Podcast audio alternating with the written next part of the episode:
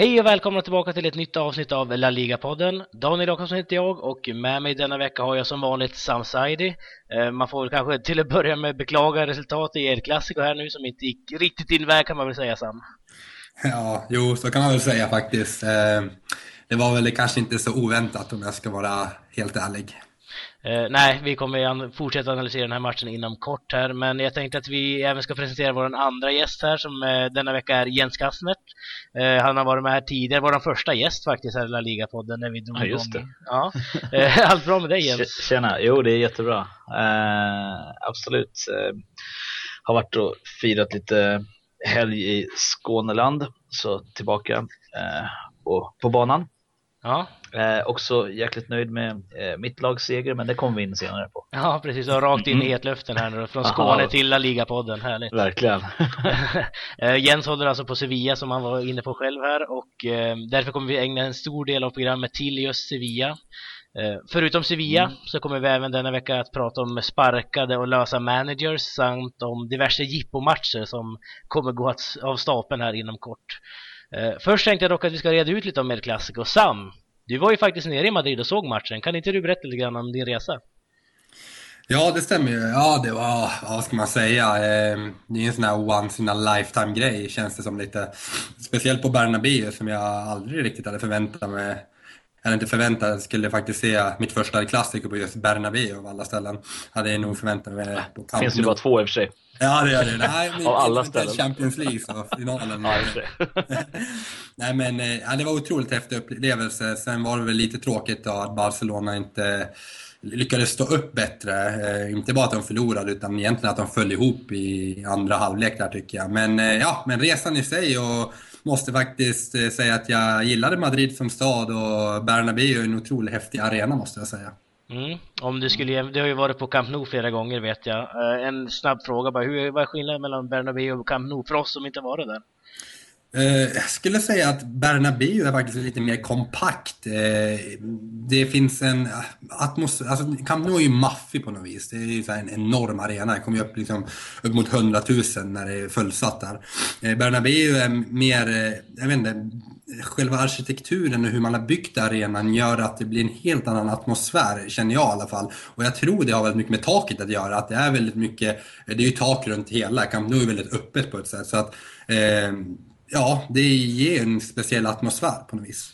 Mm. Eh, om vi går direkt på matchen här nu då Jens. Eh, jag vet att du inte såg matchen men eh, varför vann Real Madrid här? Du hade varit upptagen här i Skåneland. Ja, det var jag. Men eh, jag kan väl säga, alltså, jag kan ju också tycka att eh, Real Madrid som lag och det de har på gång nu är eh, ett riktigt, riktigt bra lag. Även om nu Barcelona leder ligan.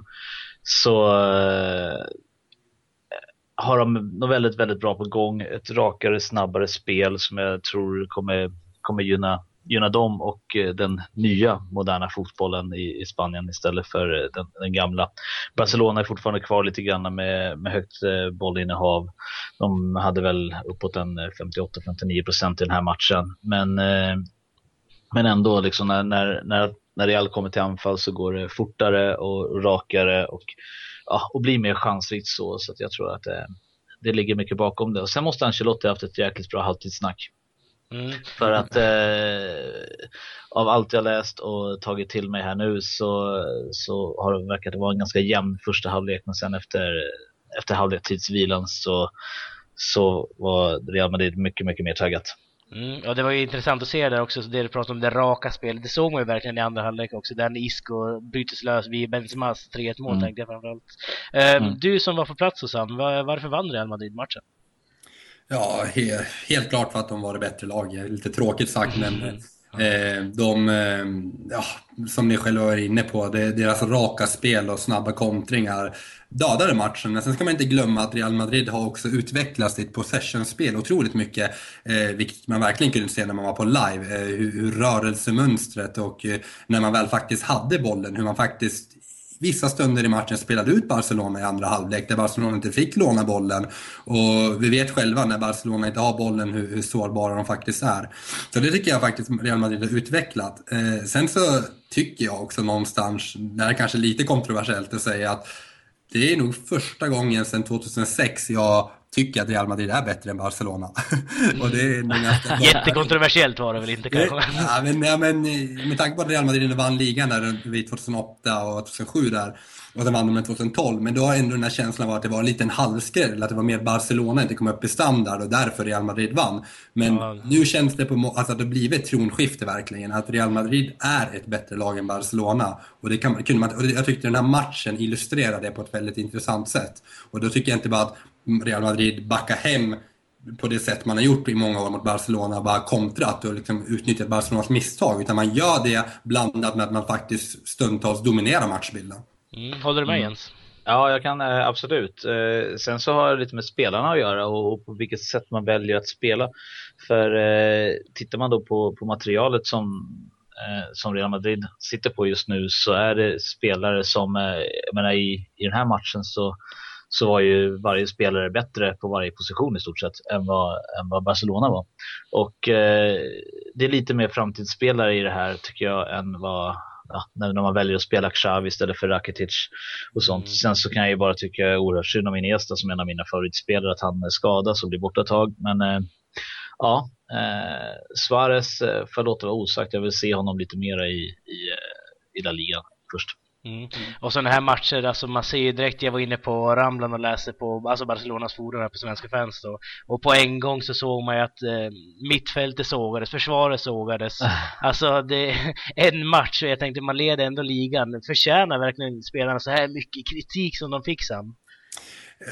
Både ja och nej. Helt klart att man är lite bort, bortskämd som Barcelona-supporter. Eh, att man kan liksom ha magen att klaga efter en sån fantastisk start på ligan faktiskt. Vi släppte faktiskt in våra tre första bollar nu redan. Mm. Eh, och det tog ju ganska lång tid. Eh, men som du säger, vi leder ligan. Men å andra sidan så med handen på hjärtat så har Barcelona åkt på två stora test. Det ena är PSG, det andra är Real Madrid.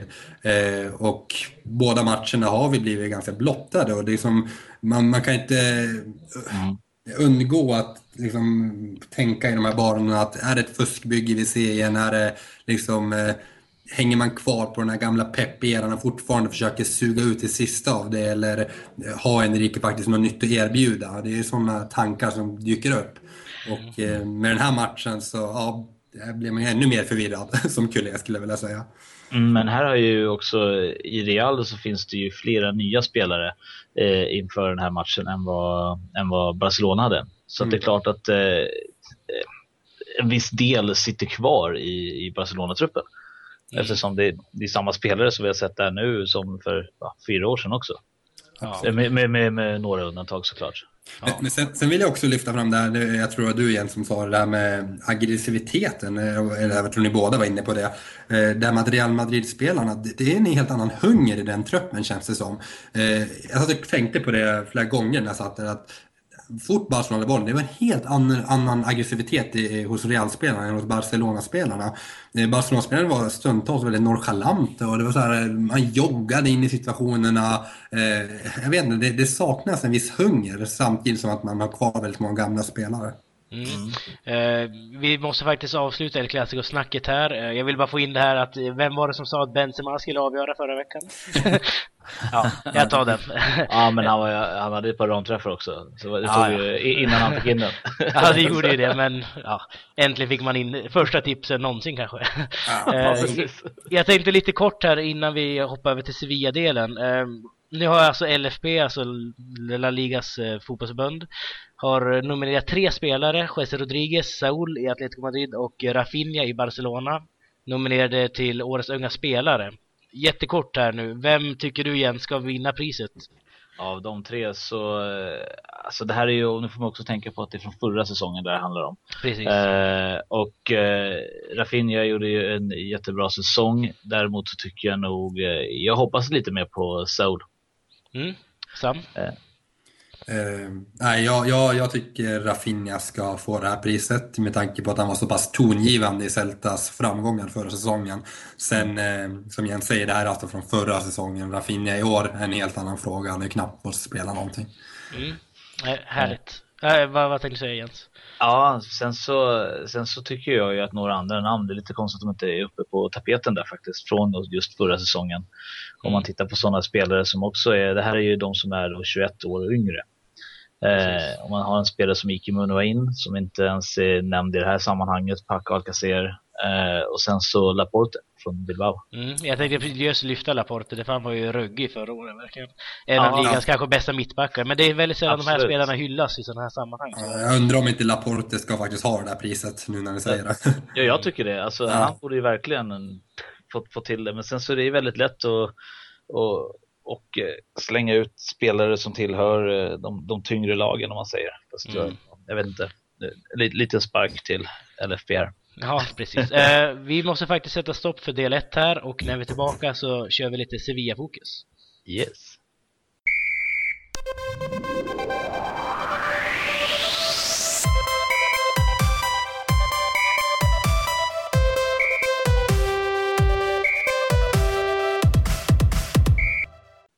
Då var vi tillbaka med del två av La Liga-podden för denna vecka och i denna del kommer vi då alltså att prata lite extra om Sevilla nu när vi har Jens Kastner med oss.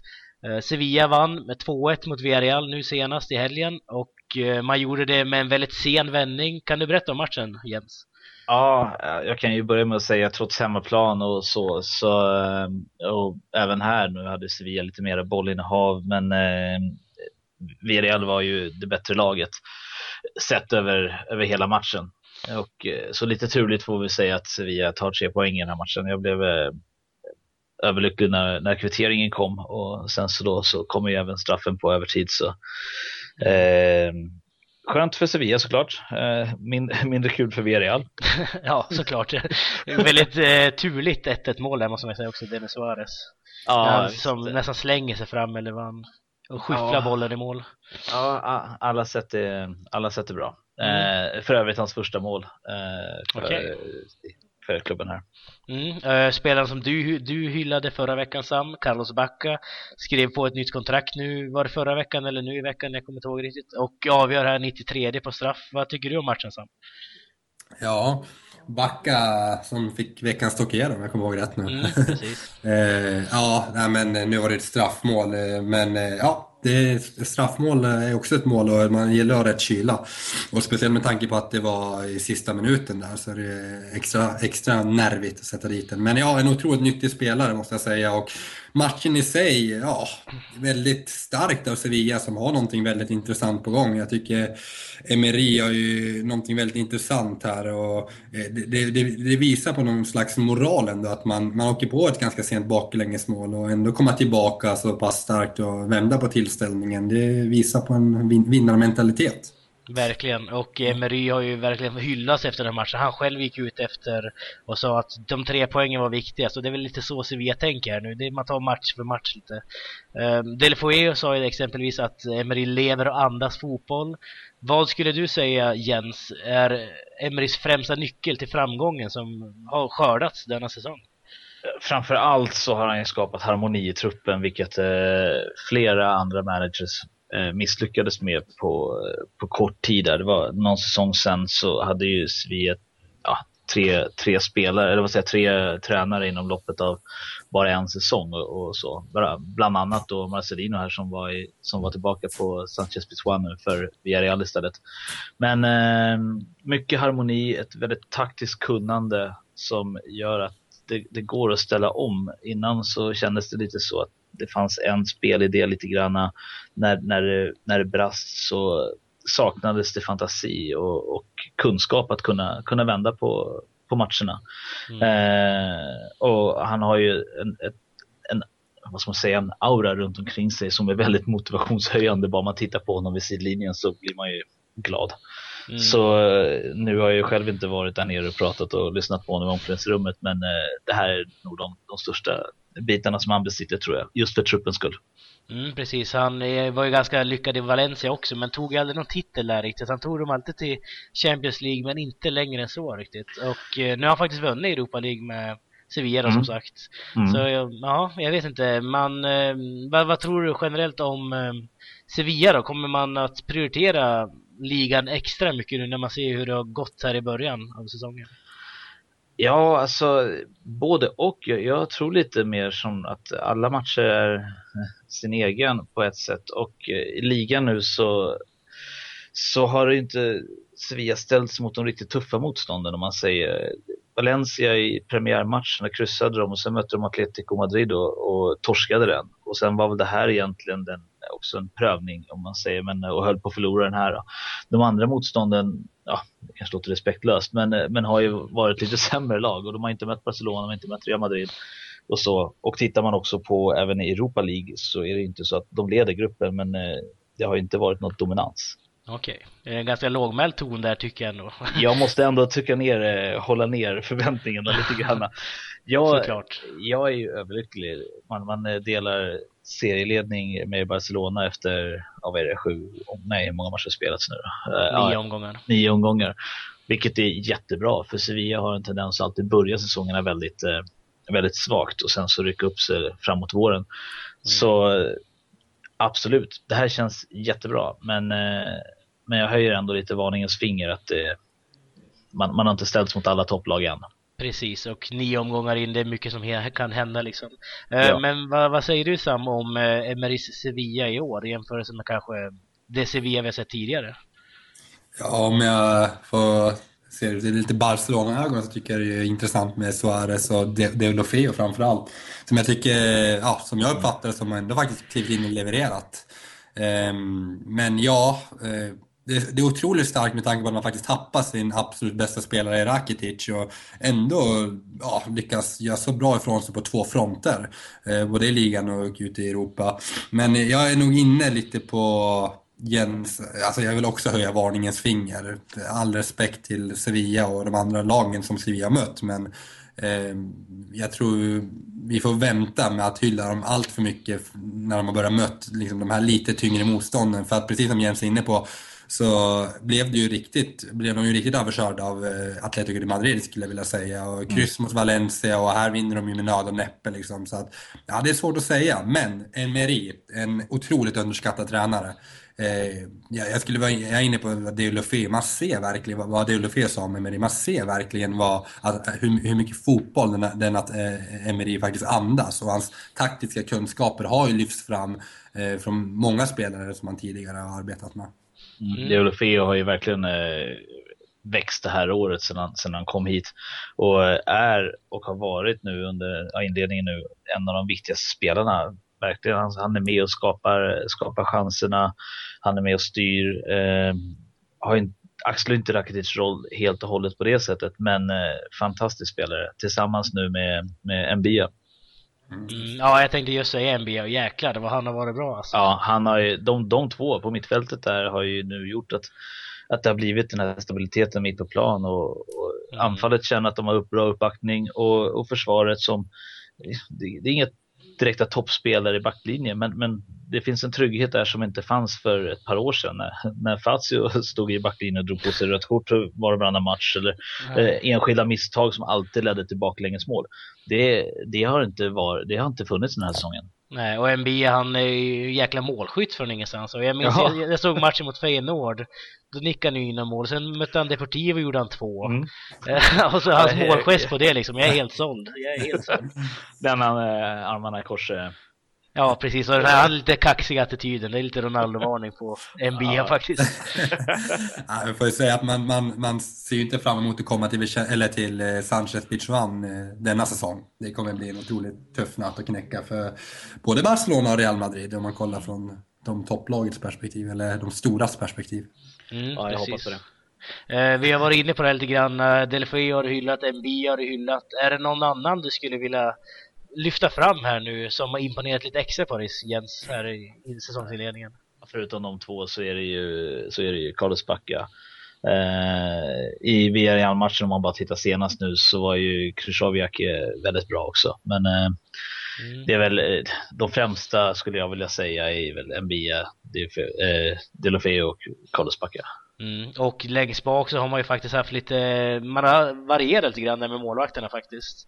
Eh, Beto, Sergio Rico och Mariano Barbosa har ju alla fått stått i de inledande matcherna här. Beto är väl såklart första målvakt, men vem skulle annars, eh, skulle Sergio Rico kunna ge en eh, chans eller en utmaning här om förstaplatsen?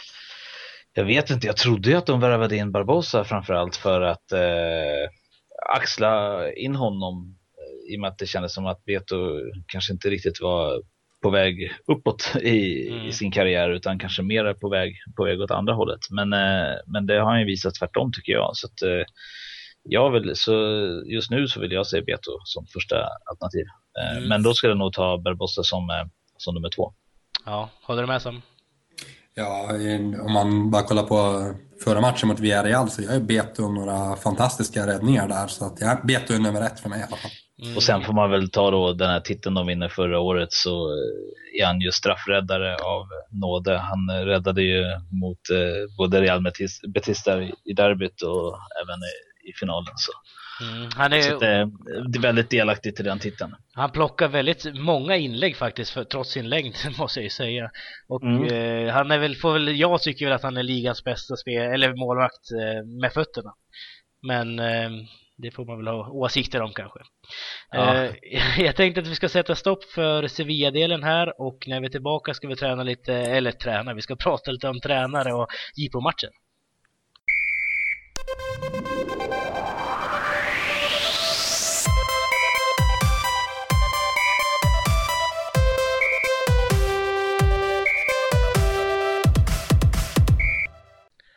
Var tillbaka med den sista delen av La Liga-podden för denna vecka och eh, jag tänkte direkt att vi ska prata om eh, lite sparkade tränare. Vi har faktiskt fått två stycken managers som fått sparken eh, samma dag faktiskt, 20 oktober. Cordobas Albert Ferrer och eh, Levantes José Luis Mendilibar. Eh, var det dags för dem att lämna, tycker du Jens? Eh, ja, eller ja, jag säger ja. Ja. eh, ofta så vill man ju kanske ge dem ett par chanser till. Det brukar finnas ett långsiktigt tänk, eh, kanske inte har gått vägen riktigt från början och så, men eh, eh, absolut, det har, det har ju verkligen inte sett bra ut för, för något av lagen på något sätt och nytt blod kan säkert göra det bättre. Och då är det ju trots allt bättre att sparka dem tidigt på säsongen så att den nya tränaren får en större del att, eh, att, att vända på steken helt enkelt mm. innan det är för sent. Det som, sparka någon sista månaden, det gör ju väl inget lag. Så. Nej, och Ferrer tog ju faktiskt upp Cordoba till premiären men fick alltså sparken efter nio omgångar. Ersättare blir Miroslav Djukic. Vad tycker du om det Sam? Uh, ja, det är lite oklart. Det var väl ingen jättesuccé han bidrog med i Valencia direkt. Men ja, han har väl rutinen från La Primera i alla fall. Och förhoppningsvis, eller förhoppningsvis för Cordobas del, så kan han få fartyget, tänkte jag säga. Eller vända den negativa trenden i alla fall och kanske börja kamma hem några trepoängare. Mm. Djukis är ju en speciell spelare, framförallt i, eller tränare. Speciellt spelare i Deportivo också minns jag ju. Mm. Under 90-talet när han spelade för Deportivo där bränner straff så att vi, när Bebeto inte ville ta straffen mot Valencia, vilket ledde till att Deportivo inte vann ligan den gången. Men mm, intressant att han är tillbaka här nu. Ja. Um, och Mendelibar ersätts alltså av Lucas Alcaraz. Jag har faktiskt med handen på hjärtat ingen större koll på honom. Lucas Alcaraz alltså. Vad, vad kan du om honom här Jens? Eh, han har ju mest eh, tränat eh, lite mindre lag, men han kom närmast från Granada och har också varit nere i, i Grekland och kört Almeria, Cordoba, eh, sådana såna lag. Största, jag vet inte, eh, han har, det är inte någon meritfull tränare så hugget som stucket skulle jag säga på, på den här fronten och om man kan vända det, det vet jag inte. Nej, de eh, inledde med en förlust här nu också mot Celta borta och Cordoba fick en poäng mot Real Sociedad. Eh, och när vi ändå snackar om Sociedad så kan vi prata om Jagoba Arasate som kanske ligger väldigt risigt till, kanske närmst på tur att åka bort från sitt jobb. Eller vad tror du Sam? Ja, definitivt är det någon som ska, eller det kanske var Valverde i Atletic, men ja, Real Sociedad har ju verkligen överraskat på ett negativt sätt. Och det här hade inte jag förväntat mig, jag tror inte någon hade förväntat sig. Och det, det är inte bara att resultaten är dåliga, jag tycker inte de får till sitt spel i huvud taget. Och att det ser väldigt tafatt ut eh, i många situationer. Ingen kreativitet eller fantasi i huvud taget. Och ja, jag vet inte vad som har hänt riktigt med tanke på att de har varit, men det är lite intressant om man ska vara ärlig med tanke på att de faktiskt slog Real Madrid bara mm. en månad sedan eller en Och sen eh, bara, bara faller ihop efter det. det. Det är ganska intressant ändå. Ja, de har ju väldigt fin trupp annars Sociedad tycker jag också nu. Mm. Man, mm. man tappar ju förvisso Griezmann då, men man har ju ändå fått in Gasson och de här lirarna. Men eh, ja, jag vet inte. Vad, vad tycker du här? Är det Val Valverde eller Arasate? Kan vi vara överens om att det är någon av dem som åker Jens härnäst? Ja, det kan vi nog vara faktiskt. Och jag var väl lite inne på mera på Valverde faktiskt i Atletic för jag tyckte att det, ja, de har tappat så pass mycket mot vad de har gjort. Men när man tittar på resultaten, var, eller hur Sociedad också har spelat för, som vi, som vi sa nu, två, de var i Champions League för två säsonger sedan och kom sexa i ligan förra året. Eh, mm. Ligger en poäng ovanför nedflyttning just nu. Och, så att, eh, ja, jag, tror, jag tror nog blir Arasate trots allt. Ja. Och Valverde fick ju lite, de vann ju nu här Atletic mot Almeria senast så det var lite så här lite mer jobb. Eh, ja, rum. Lite mer andrum i Precis, jag, jag fick inte till ordet där. Tack. Nej, men jag tycker också Valverde, jag måste faktiskt säga, de, de matcher jag har sett Atletic, alltså nu ska, nu ska man inte skylla på det. Jag tycker ändå intentionerna och liksom den här eh, känslan från förra säsongen har ändå funnits där. Det är bara att de har haft lite otur men också kanske inte spelat på den nivå de kan spela på. Men jag kollar framförallt matcherna i kvalet mot Napoli, nu är ju det ett tag sedan, och då var det där gamla fartfyllda Atletic. Sen att det liksom har, ja, det har blivit lite sisådär nu i början av säsongen, eh, det tror jag ändå Valverde är kapabel till att vända. Mm. Det tror jag. Mm, jag tror han är mera så än vad Arasate. Så. Mm. Absolut. Eh, man märker för övrigt att Herrera saknas oerhört mycket på mittfältet. Men eh, ja, det får man jobba lite med. Men jag tänkte att vi ska hoppa vidare och eh, snacka lite Supercopa Catalunya faktiskt. Barcelona ska alltså möta Espanyol nu på onsdag, vilket blir imorgon när det här släpps. Varför spelar man de här matcherna till att börja med? Känns, känns som inte lite onödiga Sam? Nej, inga matcher i Katalonien är onödiga, speciellt när det kommer till supercoppa Katalonien. Det är ju den titeln vi slåss för i år. Nej, men eh, skämt åsido. Eh, eh, jag tror inte det är A-laget. Det är inte Barcelonas A-trupp som kommer ta, ta, ta, liksom, ta den här matchen, utan där brukar ofta lämnas över till B-laget och så. Eller diverse juniorer. Ja, jag vet inte om man ska säga att det är onödigt. Jo, hade liksom Messi och kompani varit tvungen att spela den här matchen verkligen fullt ut och seriöst hade man kanske tyckt alltså, är det här verkligen nödvändigt? Men det ja, tycker det är ganska intressant och roligt tillfälle att se ungdomarna för, för Barcelonas del. Men å andra sidan vet jag ju till exempel att Espanyol faktiskt ställer upp med ganska, ja, inte alltid, men liksom mixa lite mer än vad Barcelona kan göra. Mm. Inför, inför, matchen måste man ju faktiskt säga att både Xavi Hernandez och eh, Sergio Garcia, eh, lagkaptenen i Espanyol, snackade om den här matchen och det lät då nästan så att i och för sig det är jippo, man måste prata om det här. Xavi pratade om att den här matchen betyder jättemycket för honom och Barcelona liksom. Mm. Säga vad man vill, men jag vet inte. Va, vad tycker du om de här matcherna, äh, Jens? Ja, jag är väl lite, alltså jippo-matcher överhuvudtaget är väl jag lite emot.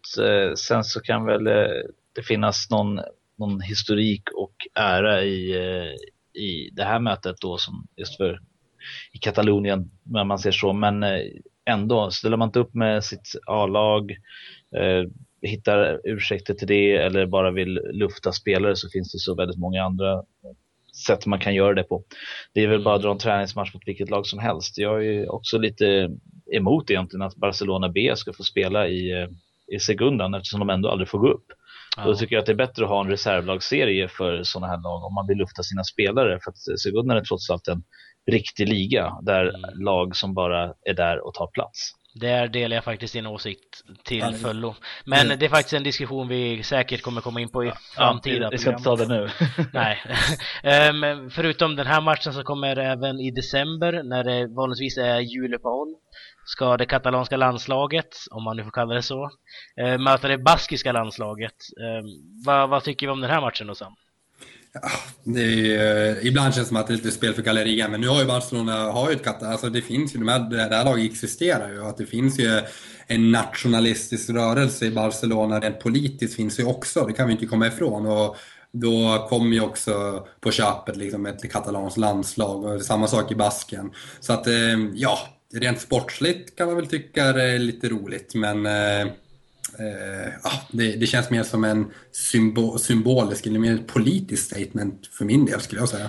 Ja, och den här matchen, eh, jag tänkte väl säga det Jens, att de kommer spela med sina bästa lag här, vad jag förstått. Både mm. Katalonien och Basken med tanke på att det, när inga andra matcher i Spanien spelas. Så troligtvis kommer det vara de bästa spelarna i respektive region här. Vad tycker du om en sån match i sådana fall? Jo, nej men absolut. Och nu när Sam är inne på det ändå, om det är så mycket politik bakom det här så tycker jag man ska förbjuda matchen. För jag tycker inte fotboll och politik ska höra ihop överhuvudtaget. Nej. Eh, sen okay. så gör det ju det. Det är bara att titta på eh, EM-kvalet här nu senast mellan Serbien och Albanien. Men eh, visst, bästa spelarna här, det, det, är ett riktigt landslag, det är klart ska spela, men att bara blanda in politiken i det känns lite fel. Eh, däremot så, så är det ju sådana här nationer som kommer, men nu får ju Gibraltar spela i, i i EM-kvalet och det är mycket möjligt att de andra kommer få göra det också.